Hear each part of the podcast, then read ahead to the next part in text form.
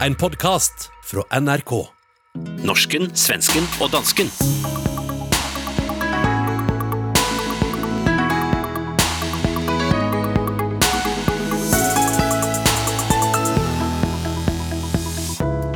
Politisk kaos, nordisk kraftkrig og norske sportsjournalister som blir arrestert i Qatar.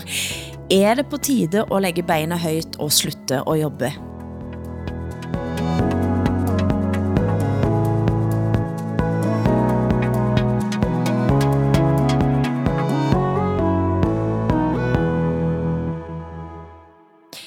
Velkommen til ukens pan-skandinaviske familieterapi. På sofaen danske Hassan Preisler, svenske Åsa Linderborg og norske Hilde Sandvik, som også i dag skal dykke ned i den nationale syken i vårt eget lille usensurerte safe space, et frirum for selvgransking og hudløs utlevering. Åsa, du er jo ret ut af narkose og har allerede lagt foten højt. Mm. Igår så opererade jag min eh, vänstra fot. Jag har en sån här hallux vallux, tror jag det heter, sån kärringknöl. De har alltså sågat av min stort tå rakt över och om jag låter lite långsam så är det för att jag har så mycket morfin i mig nu. Jag har fått såna där piller som börjar på Oxy som jag kan sälja på Sergels torg och bli rik på.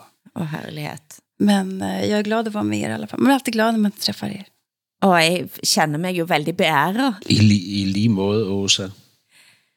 Jeg kan begynde med at denne uken døde bergenseren og aktivisten Kim Friele. Hun var den fremste homoaktivisten i Norge. Hun var den som gik i, i bræschen for at ende at det var rett og slett forbudt at ha sex mellem mænd i Norge helt frem til 1972. Hun var også den som fik det ut av diagnosemanualen, fordi man faktisk så på det som et uh, avvik at være homofil. Uten Kim Friele ville Norge sett fuldstændig anderledes ut. Eh, det sa Bjørn eh, Vidvej fra Skjevt Arkiv i et interview en gang eh, om Kim Friele og Kim Friele sin position. Eh, Jeg så den dagen som hun døde, at hele feeden min var fuldt op av Kim Friele. Og da slår det en, hvor langt den faktisk har kommet.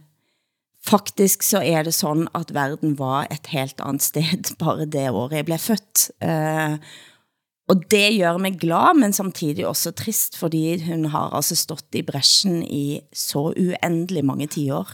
Beklagar med Norge, men det, det är så, så fint det du säger, att det är så många som sluter upp erkänsla eh, här, att det inte bara är eh, de homosexuella som gör det, utan att det här är en pionjär för hela Norge nu. Det är det som är den stora segern faktiskt. Mm. Jag skulle inte vilja säga något särskilt namn som motsvarar i Sverige, för vi har haft ganska många. Vi, på 70-talet så fick vi Riksförbundet för sexuellt lika berättigande. Nästan som en slags folkrörelse kan man säga. Så att, eh, nej, men det är, mm. man blir lite tagen sådär när man ser historiska milstolpar sådär som... Da, da hun døde, så skrev Fritt Ords direktør Knut Olav Åmers på Facebook. Jeg var netop på et omsorgshjem i Oslo, besøgte min mor.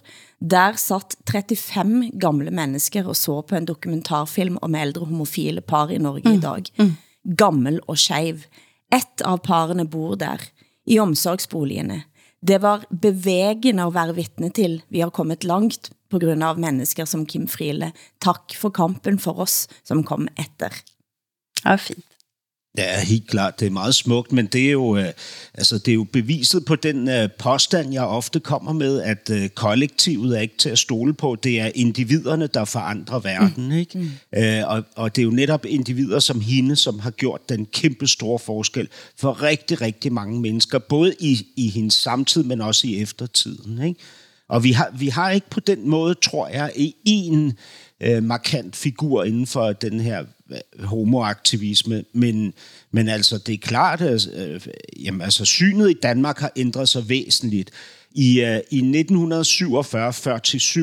der udråbte to tredjedel af danskerne homoseksualitet som en forbrydelse på linje med indbrud, vold, voldtægt og endda mor. Hvilket år, hvilket år så det var? Øh, 1947. Ja. Mm. Ja, mm. så det er, det, det er jo 7-10 år siden, ikke? Øh, altså, og, og tingene har jo ændret sig markant, det er klart. Øh, blandt andet med, med det første homoseksuelle par, som i Danmark fik lov til at gifte sig. Øh, det foregik jo øh, her øh, i, øh, i 1989, der, øh, mm. der giftede øh, de to homoseksuelle mænd sig. Øh, de hedder Axel og Ejgil. Axgil hedder de. Axel Axgil og Ejgil Axgil. Øh, på, som de første i hele verden. Ikke? Øh, de er begge to døde og ligger lige hernede øh, om hjørnet fra, hvor jeg bor på Assistens Kirkegård. Øh, i, i et, øh, i, øh, på et gravsted, som øh, er placeret et sted, hvor man markerer homoseksuelles rettigheder øh, som en politisk manifestation mm. ved, ved de her gravsteder. Ikke? Det, er, det er ret fantastisk.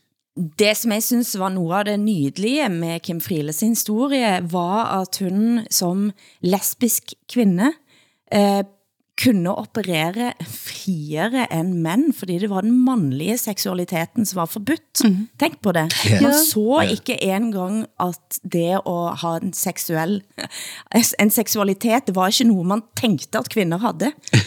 Nej. Jeg hørte et interview fra Skjevt Arkiv ved Universitetet i Bergen, der Friele fortæller om, hvordan hun gik frem som ung lesbisk kvinde og ensom i Oslo, og prøvede at komme i kontakt med likesinder. Hun satte sig på en bænk på Karl Johan, altså som er hovedgaten i Oslo centrum, og studerte forbi passerende på jagt efter tegn. Og vet du, altså jeg satt på den der bænken, og, og, og jeg havde jo ingen jeg havde jo ingen kunskap om, hvad dette var. Det, oh, det eneste jeg havde, det var jo følelsene mine. Mm. Og du har aldrig mødt nogen andre? Som... Aldrig. Nej. Aldrig. Og der satt jeg på den der bænken og, og glante. Men hvad så du efter? Ja, hvad jeg så efter? Jeg så efter damer med grå spasers, spaserskjørt, holdt jeg på at sige, og flate store sko. Jeg havde læst et sted, at lesbisk havde unormalt store ben. Så jeg satt og glante efter det. Og så grå spaserdragt. Og i etterkant har jeg jo flirt godt av det, for da må det jo være at alle andre så sådan ut, mens jeg så ut som et menneske, ikke sant? Mm. Jag läste en doktorsavhandling för några år sedan som beskrev kvinnlig sexualitet i, i Sverige, eller hom homosexualitet. Och det var intressant där tycker jag att, att väldigt många kvinnor som utbildar sig till lärare valde att bo tillsammans, alltså dela privatbostad. I, mm. i, därför att de kun, de kunde dölja att de hade ett homosexuellt förhållande. För kvinnor kan bo tillsammans, det kan män inte göra. Och om de som arbetar som lärare båda två så finns det inget konstigt med det här överhuvudtaget. Ja. Så den täckmanten är... Ja. ja. Jeg var netop på turné med Cecilie Enger, forfatter, ja. som har skrevet en eh, roman baseret på eh, det første kvindelige rederparet i Norge. Mm -hmm. Altså eh, på begyndelsen av 1900-tallet op over til andre verdenskrig, eh, så var det to kvinder som bodde sammen i Haugesund og var redere, købte båter eh, og var aktive og gjorde det veldig godt. Og selvfølgelig nok havde et forhold. Mm. Nå ja. Men igen, man så ikke på det som så veldig... Altså, det, det gik an. Mm. To mænd ville aldrig kunne blevet sammen på den måten. Nej, men det är samma sak med, alltså det finns ju ganska många exempel på kvinnliga pirater förr i världen som egentligen var kvinnor som ville byta kön. Det här är ja spännande. Ja, det är det. Altså, vi har jo en, en ret interessant uh, person i den danske historie, uh, Lili Elbe. Uh, Lili Elbe var uh, landskabsmaler, uh, og så var hun en af de allerførste transkønnede kvinder, der fik foretaget en kønsskifteoperation i hele verden. Øh, og hun fik efterfølgende lov til at ændre sit navn og sit køn. Øh, hun, altså, Lille Elbe var tidligere Ejner Wegner, altså en, en mand, øh, og blev en kvinde. Mm. Hun levede fra 1882 til 1931, så det er altså det er, det er mange år siden, oh, at det Ja, det er meget mm. tidligt. Mm. Uh-huh. Øh, og, og så er der også så er der en, en, øh, en bibemærkning til denne her historie, fordi hun blev jo skildret rigtig, rigtig dygtigt af den øh, engelske skuespiller Eddie Redmayne i filmen Danish Girl. Øhm, han, han blev Oscar-nomineret for sin øh, præstation som den her øh, transkvinde. Øh, han skulle jo allerede dengang forsvare, at han sagde ja til den her rolle, øh, fordi han ikke er transkønnet. Øhm, og det gjorde han. Men nu, netop nu, i denne uge, har han øh, vendt på en tallerken, og i dag siger han, at han fortryder, at han tog denne her rolle, at det var... Øh, Han, han ångrar at han... Ja, det skulle han ikke have gjort, øh, fordi øh, det er en rolle, som han ikke har øh, reel indsigt i, fordi han ikke er transkønnet, og derfor kan han ikke portrættere den med troværdighed. Vi er- Han reagerer selvfølgelig på et Twitter-angreb, det er klart, ikke? som man altid gør i de her situationer. Vi har pratat om det här förut, men skådespeleri är väl eh, förmågan och viljan att eh, gestalta andra. Det är väl det som är skådespeleri, tänker jag. Att man klär sig, man, man går in i en annan roll, en annan karaktär. Det är ledsamt att han nu ber om ursäkt för en, en väldigt bra eh, prestation dessutom. Onsdag denne uken kunne vi endelig sprette champagne. Sverige, søsterfolket, havde endelig fået sin første kvindelige statsminister, Yes. men glæden blev kortvarig. Nå, okay. For syv timer senere havde hun gått av, og hvad i alle dager var det som skedde også? Alltså jag, kan, jag kan inte dra allt det här för norska och, svenska, norska och danska lyssnare, för ni tror inte att vi är kloka. Alltså, hela internationella samfund tittar ju på Sverige och undrar, vad är det för idioter som, som styr det här landet? Vem är det som styr? Men det som sker är alltså att vi har en rödgrön regering som vilar som samarbetar med ett nyliberalt centerparti och socialistiska vänsterpartiet. Så att när Magdalena Andersson ska, ska regera så är hon beroende av de två partierna plus då Miljöpartiet i riksdagen. Och det som händer är att nyliberala Centerpartiet släpper igenom Magdalena Andersson som statsminister men de släpper inte igenom hennes budget. Så att hon ska då regera på högerns budget som är eh, där bland annat Sverigedemokraterna har förhandlat fram sina, många, många sina krav. Det här gör att Magdalena Andersson avgår, men det gör också att Miljöpartiet lämnar eh, regeringen. Så nu har vi en enpartiregering i Sverige och sen får vi se om Magdalena Andersson sitter kvar. Det gör hon säkert, men uppdraget är ju i stort sett omöjligt. Det är, det är på riktigt kaos i Sverige. Och eh, vi, vi har i många år pratat i Sverige om den breda mittenpolitiken. Och mittenpolitiken finns ingen mitt längre. Det, nej. Utan allting har, brakat, allting har brakat samman. Och det som är intressant här är att Centerpartiet lämnade högeralliansen, den borgerliga alliansen, eh, för att de absolut inte ville ge Sverigedemokraterna inflytande. Och nu har de ändå gett Sverigedemokraterna inflytande ganska rejält genom att det är bland annat deras budget som Socialdemokraterna ska regera på. Så det är ganska ologiskt, de har ganska svårt att förklara det här. Men vad de visar är att de föredrar ju Sverigedemokraterna framför Vänsterpartiet. Det är vad de har visat. Men, men den, Åsa, mm. den her afvisning af budgettet har vel ikke noget at gøre med, at hun er kvinde? Nej, det har du faktiskt Nej. jeg ler. Nej, fordi min, min oplevelse er faktisk, at kvinder kan være rigtig gode til at lægge budget. Altså, Du, ja, du mener det, ja. Du menar det? ja, det synes ja, jeg. ja, ja. Altså, min, min kæreste lægger vores budget herhjemme. Jeg er glad, hun er der, din statsminister, Hassan. Jag skulle säga det. Vad- Men, men da Magdalena Andersson holdt pressekonferens for at annoncere afgangen, så hørtes hun næsten lattermild ut.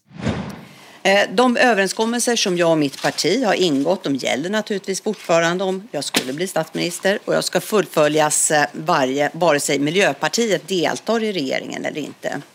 Miljöpartiet har ju också eh, meddelat att de accepterar mig som, social, som statsminister i en socialdemokratisk enpartiregering. Jag har nu träffat talmannen och begärt att få bli entledigad från befattningen som statsminister. Men jag har också meddelat att jag är fortsatt redo att bli statsminister, men för en socialdemokratisk enpartiregering. Ja, alltså det, det var ett väldigt nervöst skratt. Ni vet, en sån där man kan skratta på en begravning och sådär plötsligt. Men äh, ja, det, är ju, det är ju helt absurt eh, den här situationen som hon har satt sig i. Och det är många som har agerat som man inte trodde. Man trodde ju aldrig att Centerpartiet skulle göra så här. Man trodde aldrig att Miljöpartiet skulle lämna regeringen heller. Och det är, tror jag, nio månader, tio kanske kvar till valet. Så att jag tycker att det enda rätta skulle vara ett extraval nu Nej. under den här omständigheterna som är. Ja, absolut. Det här går ju inte. Så tänker jag. Nogen eh, på Twitter kaldte nå Sverige for Nordens Italia, og jeg tror ikke det var et kompliment. Nej. Eh, er dette nu et nytt niveau av farse i svensk politik, Hassan? Spørger du mig om det? Ja. Nå, men altså, jo jo, men det, det, er jo sjovt, det er jo sjovt, hvordan man ligesom ser øh, øh, de forskellige ambitioner clashe i Sverige lige Ja. nu. Ikke? Selvfølgelig vil man gerne være ligestillingsorienteret, og nu er man som øh, det her ligestillingsforegangsland jo øh, fyldt med komplekser, fordi både Danmark og Norge har haft kvindelige statsministre. Ikke?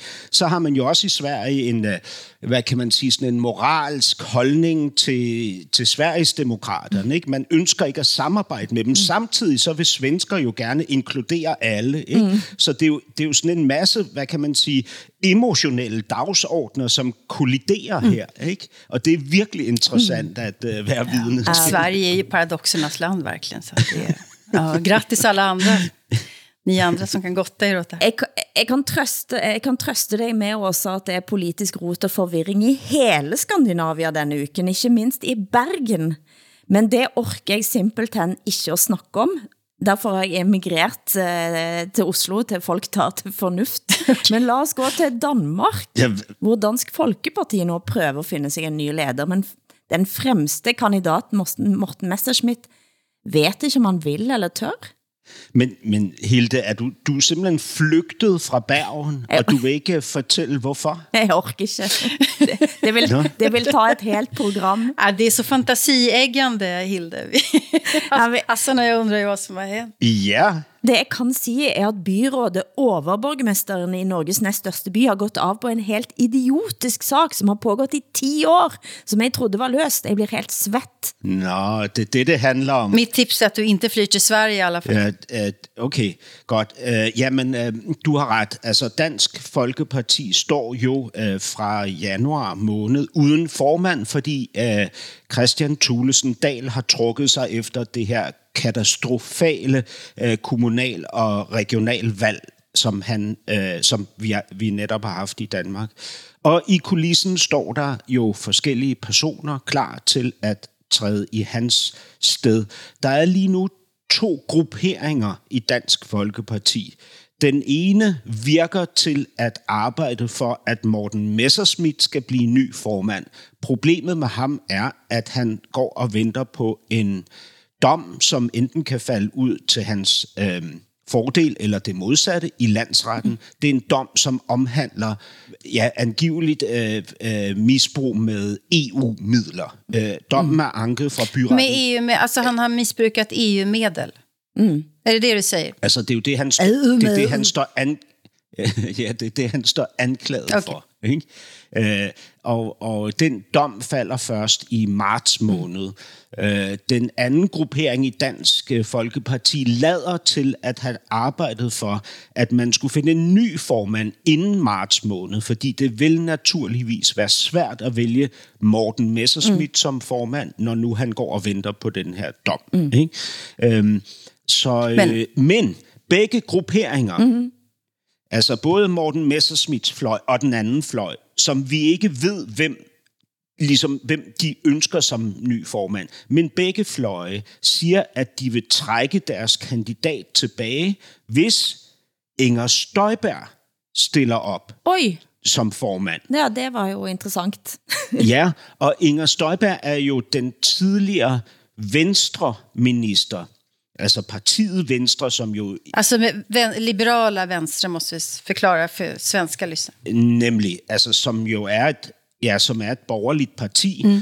Hun er tidligere minister, øhm, og øh, står lige nu og skal forholde sig til en rigsretssag, mm. hvor hun er anklaget for at have udstedt øh, ulovlige instrukser til sine embedsmænd i relation til, adskillelsen af, af helt unge flygtningepar. Mm.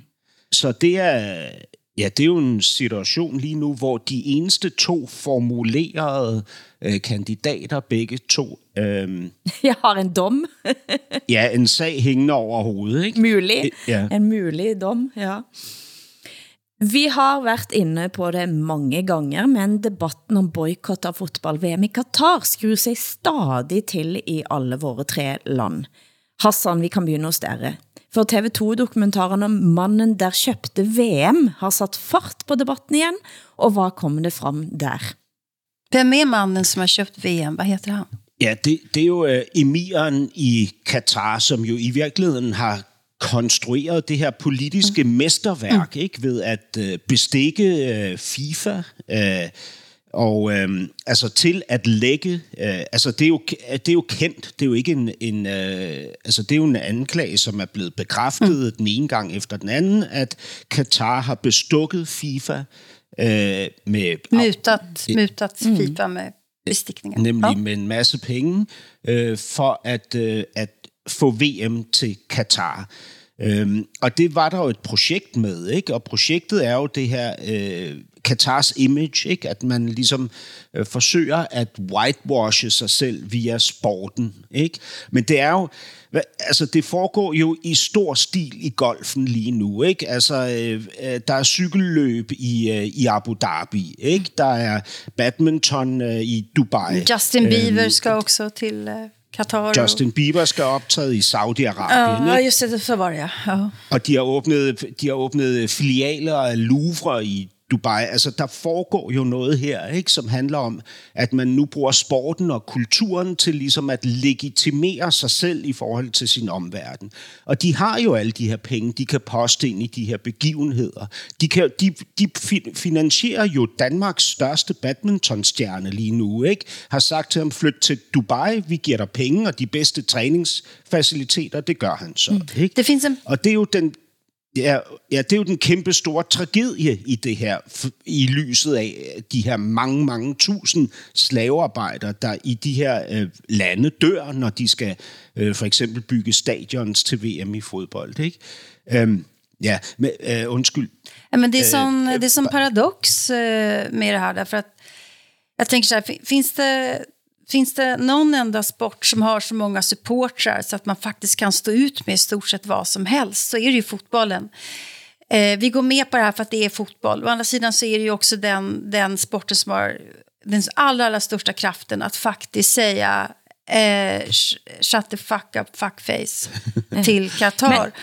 Och eh, hur, hur kan vi göra den? Alltså de länder som ändå kvalificerar sig, det är klart att de vill åka ner. Men denne uken gik den danske sammenslutning av danske fotballfanklubber ut med klokkeklar opfordring til sine medlemmer. Ikke reis til Qatar. Ja.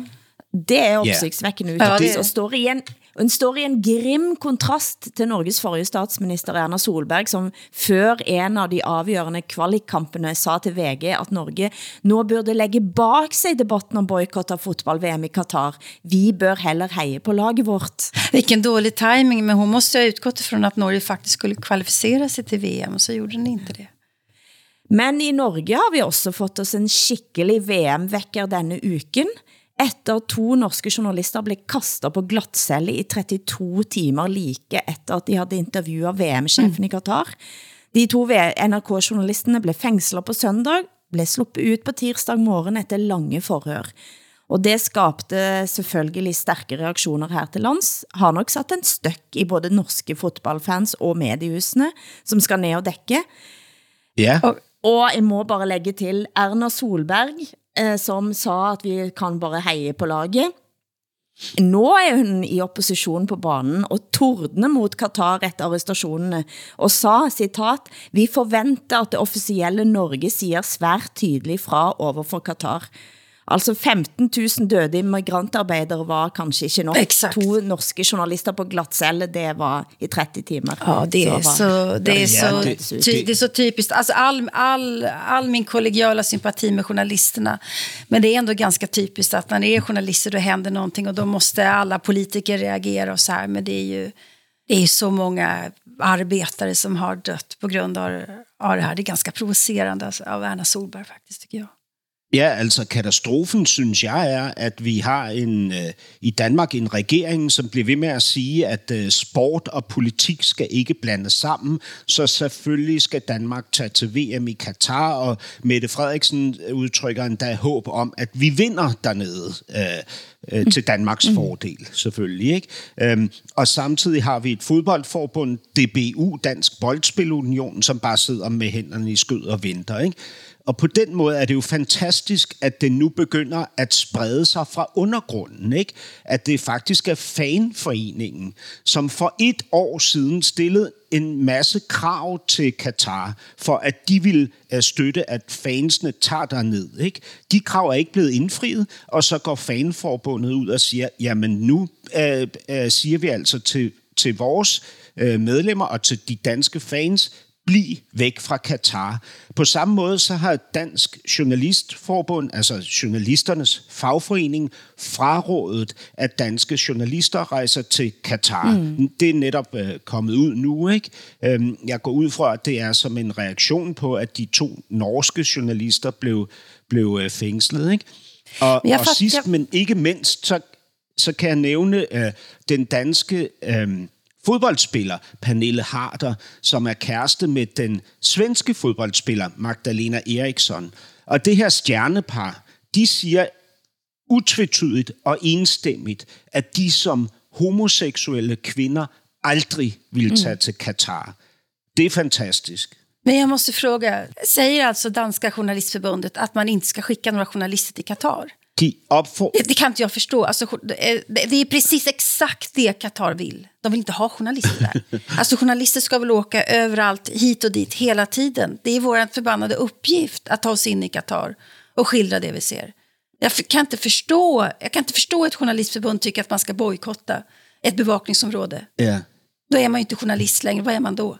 Altså, jeg tror ikke, det handler om, at man ønsker at, at, at sikre sine medlemmer mod at blive fængslet. Jeg tror simpelthen, det handler om, at, at man siger, det her, det, øh, det vil vi ikke være en del af. Altså, det, det handler jo ikke om, at, at forholdene dernede ikke bliver skildret. De er jo i stor stil blevet, blevet skildret, og man skal jo være idiot for ikke at have opfanget det. Ikke? Det handler vel om, at man siger... Jag tycker aldrig, jag tycker aldrig journalister ska bojkotta någonting. Er det, Jamen, det handler vel om, at man siger, vi, vi skal ikke ned og rapportere fra en sportsbegivenhed, som et regime har arrangeret. Øh, et undertrykkende regime, der i øvrigt fængsler vores journalister. Men då, då, är det ju regimen, då är det ju regimens bild som vinner i så fall. ja. Vi må snakke om folkeskolen, enhedsskolene versus privatskolen. Den offentlige skolen i Skandinavia er, er under stærkt press og har været over lang tid, men den sidste tiden har denne debatten skudt særlig fart i Danmark. Hassan, hvad er det, som har utløst den? Altså, øh, det, der har udløst debatten, er en, øh, en, serie, en øh, serie, som har kørt på fjernsynet. En serie, som hedder Smertens Børn. Øh, I den serie, der, øh, der ser man et klasselokale i en vilkårlig folkeskole i en, øh, i en mindre by, som hedder Høngen. Øh, og der, øh, der bliver det simpelthen illustreret, hvad inklusionsskolen og folkeskolereformen, blandt mange andre ting, har gjort ved folkeskolen. Altså pillet den fuldstændig fra hinanden, så den ikke længere er i stand til at fungere. Inklusionen handler om, at man på et tidspunkt mente, at elever med særlige behov skulle være en del af fællesskabet, og derfor satte man dem ind i regulære klasser. Øh, folkeskolereformen handler om øh, test og om øh, heldagsskole, altså mange timer i, i skole hver eneste dag i folkeskolen. Ikke? Altså, det virker, når man ser den her serie, som om vores skolesystem er ved at falde fra hinanden. Mm. Og, øh, og man kan også se, at der er en enorm stigning i øh, antallet af børn, som starter i privatskoler øh, i disse år. Her har jo Sverige gått eh, foran også. Jeg har sett lidt på tallene. Der er en stigning med bruk av privatskoler i hele Skandinavia, men eh, Sverige har i flere tiår haft den drejningen. mot privat? Ja, alltså, vi pratar inte om privatskolor utan vi kallar det för friskolor och då låter det lite finare. Men alltså, vi har ett system i Sverige som är unikt i hela världen. Det kan möjligen jämföras med Chile. Men det går alltså ut på att privatägda skolor får lika mycket skattepengar per elev som, barn, alltså som kommunala skolor. Eh, och det här gör dels att det är väldigt stora ja, riskkapitalbolag som har tjänat väldigt mycket pengar på det svenska utbildningssystemet. Men framförallt så leder det till, det är fel i sig tycker jag då, tycker jag såklart. Men det leder framförallt till segregation för att de här friskolorna mm. eller privata skolorna, de säger att de bara vill ha så kallade studiemotiverade elever. De tackar, mm. nej, mm. de tackar nej till de andra barnen. De får, skol, de får den kommunala skolan ta hand om. Eh, och det här det skapar en segregation såklart, men sen också så, så är det här ett exempel på när medelklassen inte längre behöver vara solidarisk. Om, alla, om, alla, om man blandar skolorna socioekonomiskt så kommer medelklassen att vara kvar och ta strid liksom, för bättre mm. skolor, för de gör ju alltid det. Men nu, nu tar de sina barn och går, lämnar den kommunala skolan och, så, och kvar så står då de föräldrarna med de problem som är där, som är resurssvagare. Mm. Och det här är, det är ett jätte, jättestort problem i, i Sverige verkligen. Men samtidigt kan jag också tänka som förälder blir man ju lite... Jag kan ha mina principer som förälder och inte vilja ha friskolesystem överhuvudtaget, eller privata skolor. Men låt säga att jag har ett barn som faktiskt vill gå en särskild utbildning. Ska mina principer trumfa över barnets önskemål om en särskild utbildning då? Det är också det är knepigt att vara yeah. förälder om man har barn som ska gå på gymnasiet i alla fall, som är så stora så att de kan välja själva. Eller vill välja själv. Ja, og netop, netop det dilemma, øh, det har øh, vores statsminister Mette Frederiksen jo også mærket på egen krop, fordi øh, Socialdemokratiet kæmper for, at 9 ud af 10 elever skal gå i folkeskolen. Mm. Samtidig har Mette Frederiksen et efter et taget sine børn ud af folkeskolen og sat dem over i privatskoler. Ja, og det bliver jo konstigt. Fordi, mm fordi hendes børn mistrivedes. Ikke? Og jeg, jeg må sige det sådan her. Jeg har selv gået i en øh, kommunal folkeskole, øh, og jeg var meget glad for den skole mm. og, og min lærer. Ja. Men jeg vil aldrig sætte mine børn på øh, en, øh, en kommuneskole. Idag, som for det, det har blivit mycket sämre Nej. kommunala skoler. Jamen, jeg, øh, det, jeg vil simpelthen ikke risikere, øh, at, at de skulle mistrives på den måde, som tallene viser, at børnene ja. gør. Ikke? Det er faktisk en ud af fire børn, som i 0. klasse, altså deres første skoleår, giver udtryk for, at de mistrives.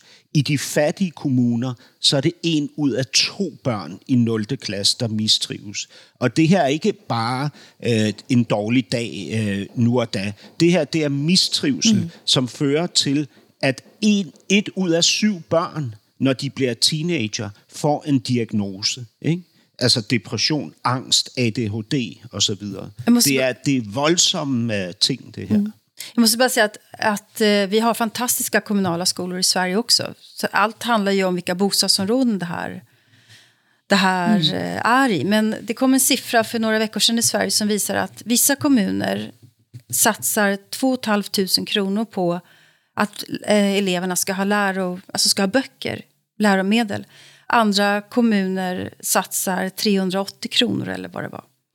Så att det, vi, vi har inte en likvärdig skola i Sverige längre. Och konsekvenserna av det här kommer vi att se om... Alltså det är en hel generation liksom som går förlorad i, i de här orättvisorna.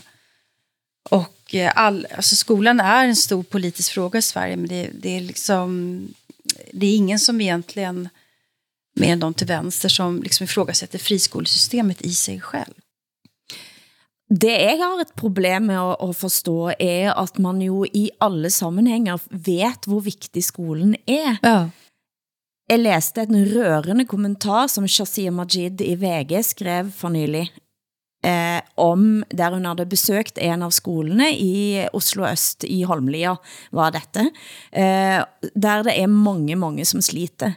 Eh, og og det man får et indtryk av er en skole som virkelig jobber knallhardt, med lærere som ser at de er noget langt mer end lærere. Mm.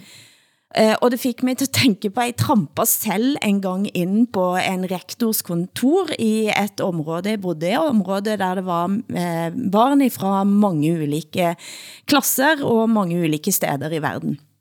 Og jeg, jeg var rasende, og jeg kom ret ind på rektors kontor, og så sa jeg, du driver denne skolen som om at det var en skole i et eh, uh, fuldstændig ukompliceret uh, eh, del av byen.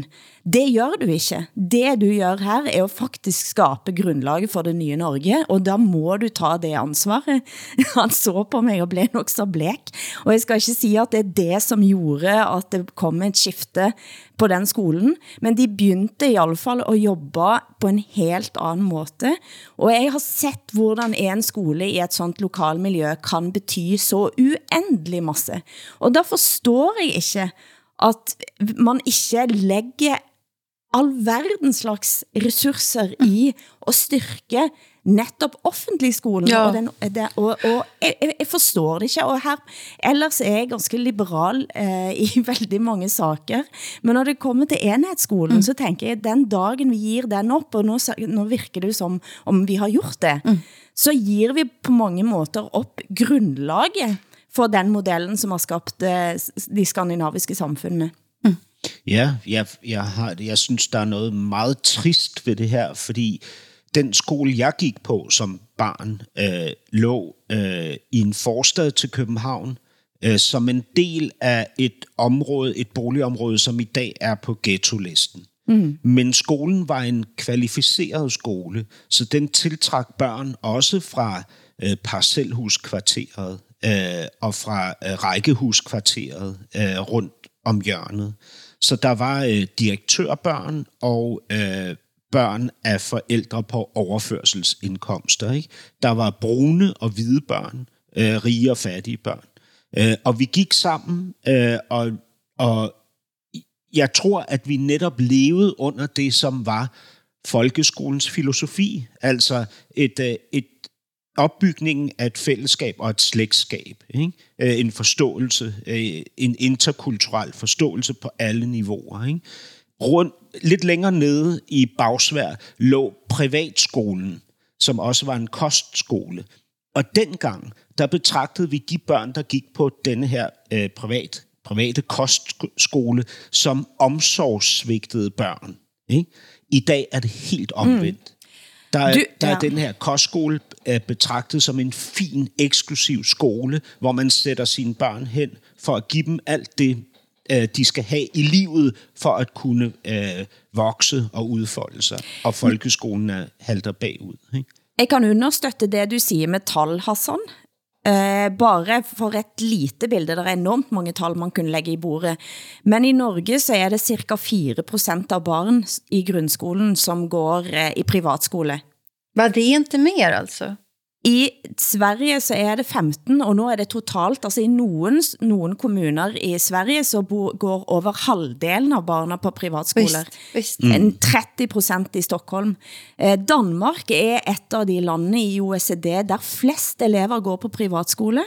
Eh, i, I den samme tiden, der du har haft, altså folk, altså der folk har i større grad valgt privatskole for sine barn, så har Folkeskolen mista over 1 milliard kroner, mens den frie grundskolen i samme periode har fått 800 millioner ekstra i tillæg, mm. sant?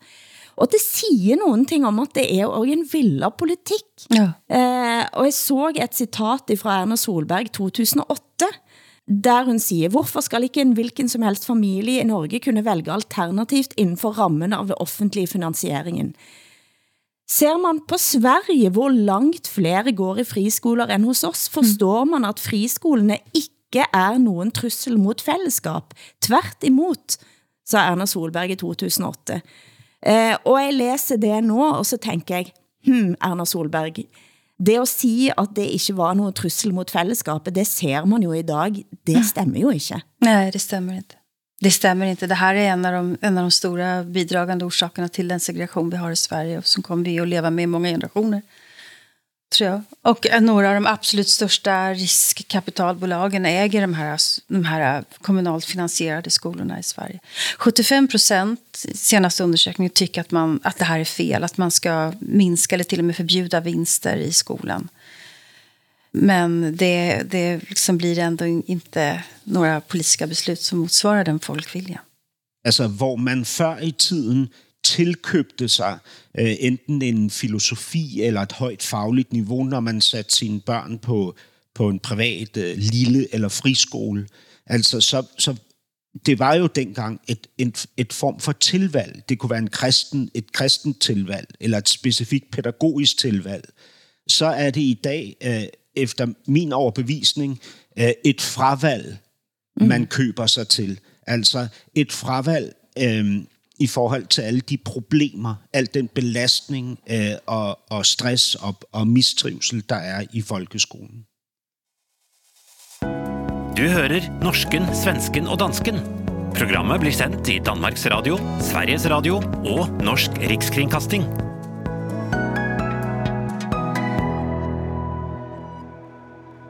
Tidligere her i NSD, som vi kalder oss på kort, har vi, i alle fall dere to, fundert for ikke at si klager på at dere har jobbet for mye, at dere har jobbet bort de bedste årene av deres liv, for at si det enkelt. Denne uken var det et langt indslag på kulturen på P1 på DR om anti-work-bevægelsen. I øh, USA der er der flere og flere, som ser jobbet op efter pandemi og nedlukning. Der er opstået sådan en helt anti-work-bevægelse. Og måske er der også nu, der er vind i sejlene her i øh, Danmark, for at se lidt øh, mere kritisk på den der fem-dages arbejdsuge og de 37 timer. Unemployment for all, not just for the rich, lyder slogan for den der anti-work-bevægelse. For hvorfor skal vi se de virkelig rige sejle rundt på deres lystjagt med champagne og kaviar, mens øh, vi altså bare andre knokler løs? Og den traf ikke overraskende dig midt i hjertet, Hassan. Ja, men det er, jo, øh, det er jo fuldstændig fantastisk med den her globale bevægelse, som is, især eksisterer på Reddit, altså på den her kommunikationsplatform. Ikke?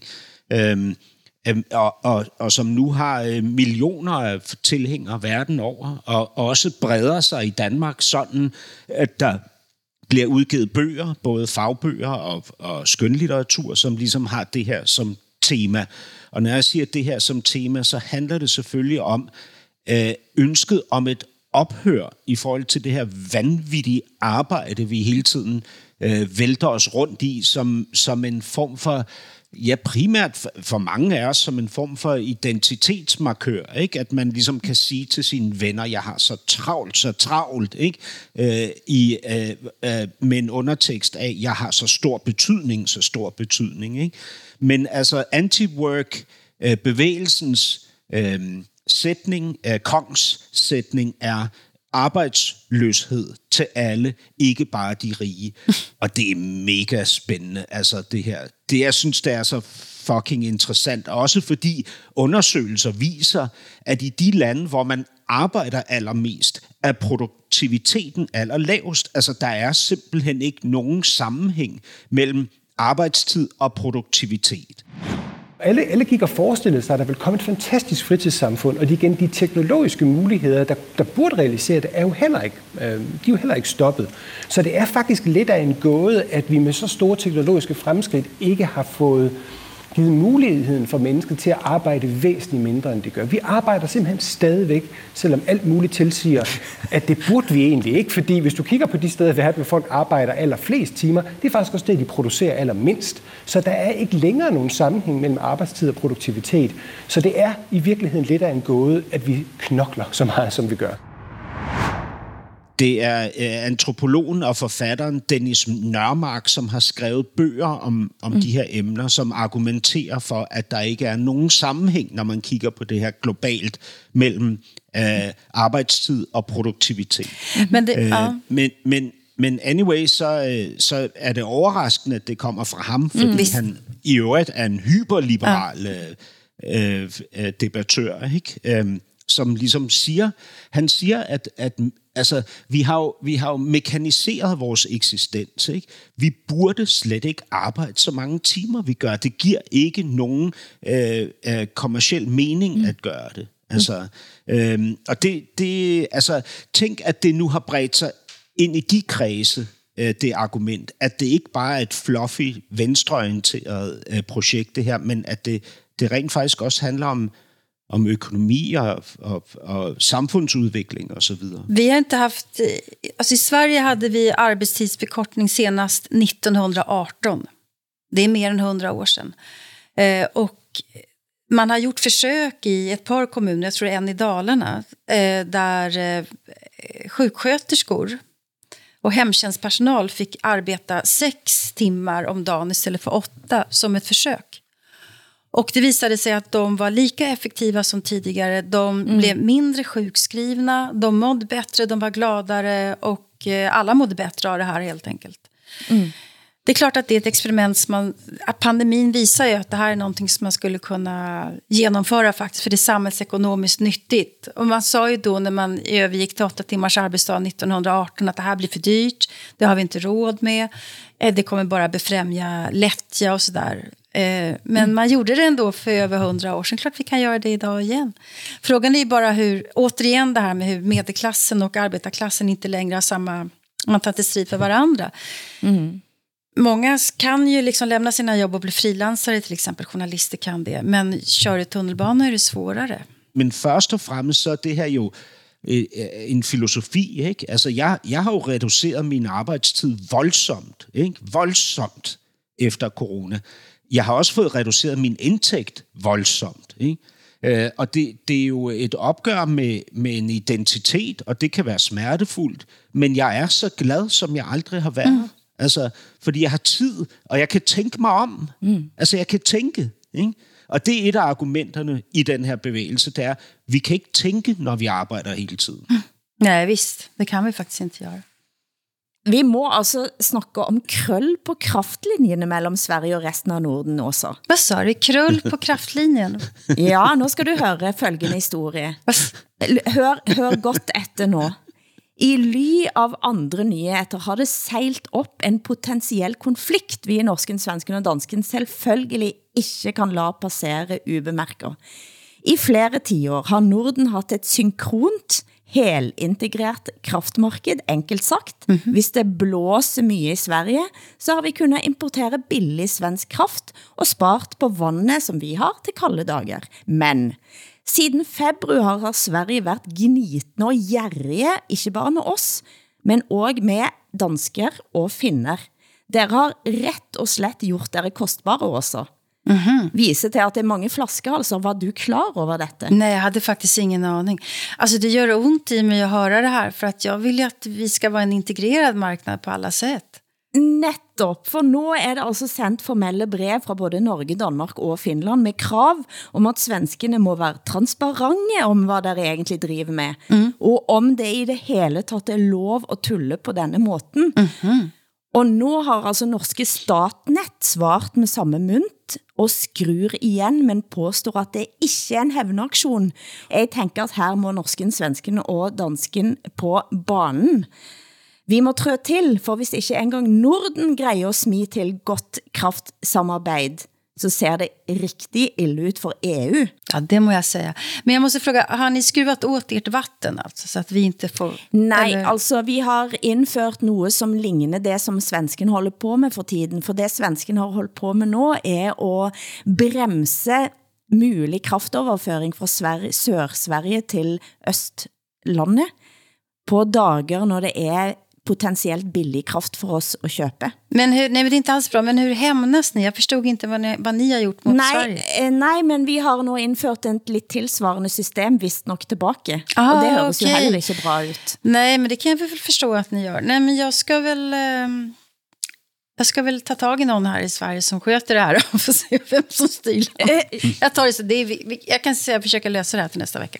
Ja, for jeg, jeg skal ikke be dig forklare det svenske kraftnet sine bevæggrunner her. Men det er ingen tvil om at de er store og stærke og kanskje gør som de vil. Men på vegne av oss alle da, så vil jeg bare citere Astrid Lindgren. Den som er veldig stærk må også være veldig snill. Ja, Ellers så kommer vi til at fryse Jo, jo, men prøv at høre, her i nord. Ja, altså man, man skal jo ikke gå op imod Astrid Lindgren, det er klart, men, men prøv at høre, man, man ved jo i samtlige parforholdskonflikter, at den aggressive part i virkeligheden føler sig meget svag. Ikke? Mm. Og derfor så bliver vi jo nødt til at finde ud af, hvor det er, at det opstod, at den opstod, den her svenske følelse af svaghed, af underlegenhed, af, af af at være blevet reduceret. Måske var det, da Norge lukkede grænserne for svenskerne. Ja, det var det. Heaven for Ja. det. Ja, men det är så, less, det är så ledsamt hur eh, våra länder börjar krångla med varandra, tycker jag. Ja, men det er nok u- Det, visst, det, det går åt fel håll ju. Det går åt helt fel håll. Ja, det gør det. Jamen, fejl jeg, hold. jeg, tror, jeg tror, det er uundgåeligt, som, som i et hvert parforhold, at der er kurver på tråden, øh, eller krølle, som du sagde, øh, Hilde. Sagde du krølle? Jeg sa krøll, krøll. Krøll. Krull, krull på tråden, det har man ju aldrig talas om, men det var ju, det var ju kul uttryck. Krøll. Krull på tråden. Det er uundgåeligt, men, men det vi jo øh, skal blive bedre til, det er at øh, kommunikere mere ærligt om, hvor det gør ondt. Ikke? Netop. Hvad er det, svenskerne er ked af? Hvor, hvor er det, de føler sig forurettet eller svigtet? Men Det- alltså, det måste man det- psykologisera det här? Det kanske har att göra med, med privategendomen och marknaden och allt sånt där. Det kanske finns ekonomiska förklaringar eller att vi i Sverige inte lyckas eh, försörja oss själva med längre. Eller? Altså, det kan også være at når krybben blir tom, så bites hestene, men i alle fall, hvis ikke vi klarer at fikse dette, mm. for vi vet jo at Europa nå skal ind i et såkaldt integreret kraftmarked, Acer, Lycka till. og det er, det er skabt på basis av at det har vi fått til i Norden i flere tiår. Så vi Mhm. kan ikke nå begynde at tulle med dette, altså, tænker jeg. Nej, skäms Sverige faktiskt. Uff. Denne uken fik endelig Dia Khan komme til Norge for at ta imod den velfortjente Fritt Ord-prisen.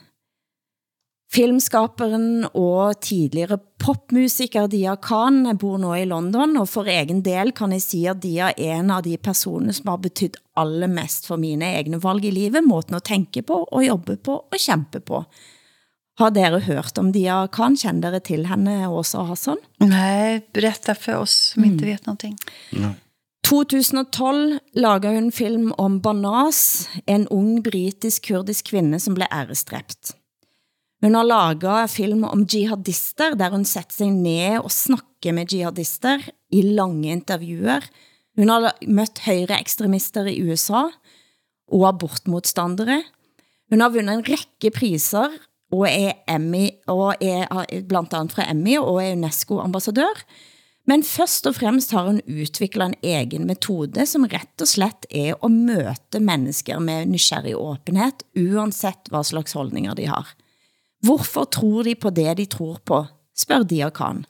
Og jeg mener altså, at alt kan snakkes om. Det utstråler det av hele hennes verk, at absolut alle meninger kan lyttes til. Og vi begyndte dagens sending med at snakke om Kim Friele. Hun ændrer Norge. Mitt håb er at Dia Khan skal ændre verden. og jeg håber ordene hennes giver genklang i alle miljøer, som i øjeblikket mener, at det er en god idé at stenge ute stemmer, man ikke er enig med. Sam, si- hun siger, samfundets problemer kan ikke løses uden at vi ser og anerkender menneskeligheden i dem, som står i disse problemene. Hvis vi klæbler dialogen med gennem scenenægt og censur, mister vi vår mulighed til at bygge forståelse og finde løsninger, siger Dia. Og det hun snakker om er grunden til at lage norsken, svensken og dansken, men også til at ha alle andre samtaler om hvad som er vondt i livet, vi åbne. Lad os høre et, eh, et klip fra hennes knallstærke tale, som selvfølgelig blev holdt uden manus under prisoverrækkelsen. Jeg opfordrer absolut alle til at høre hele, den findes på YouTube. And that's the point of the films that I make. It's to look into the darkness of some of the most complicated, some of the most divisive issues of our time, but to find the humanity in it, to recognize ourselves in each other, whoever the other is. And, and I think what, what sort of I've ended with is Somebody said to me the other day, they were like, oh, you know, why do you keep sitting with these horrible guys? What's wrong with you? Why do you keep doing it? You know, why, why are you trying to rescue their humanity? And my point is, I'm not, that's sort of misunderstanding what I'm trying to do. I'm not trying to rescue them or their humanity. What I'm trying to do is to hold on to my own. At det er altså fantastisk. Altså, mm. øh, selvretfærdigheden er dominerende, ikke? Øh, og, og det her med, at man så i forlængelse af den vil frelse andre mennesker, ikke? Det er, altså, det er det mest øh, klamme, ulækre at se på, ikke? Fordi selvfølgelig er det ikke det, der er projektet. Projektet er at frelse sig selv, sin egen menneskelighed, ikke? Mm. Ja, det er meget smukt formuleret. Mm. Det blir sidste ord fra oss tre her i Norsken, Svensken og Dansken denne uken. Producent har været Henrik Hylland Ulving. Tak til Hassan Preisler i København, Åsa Linderborg i Stockholm. Jeg heter Hilde Sandvik og rapporterer i dag fra Oslo. Programmet er produceret af Brun XYZ for NRK, SR og DR, der redaktør for programmet er Ole Jan Larsen. Vi høres igen om en uke.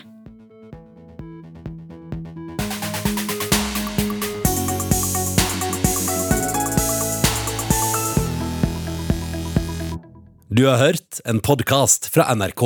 Hør flere podcaster og din favorittkanal i appen NRK Radio.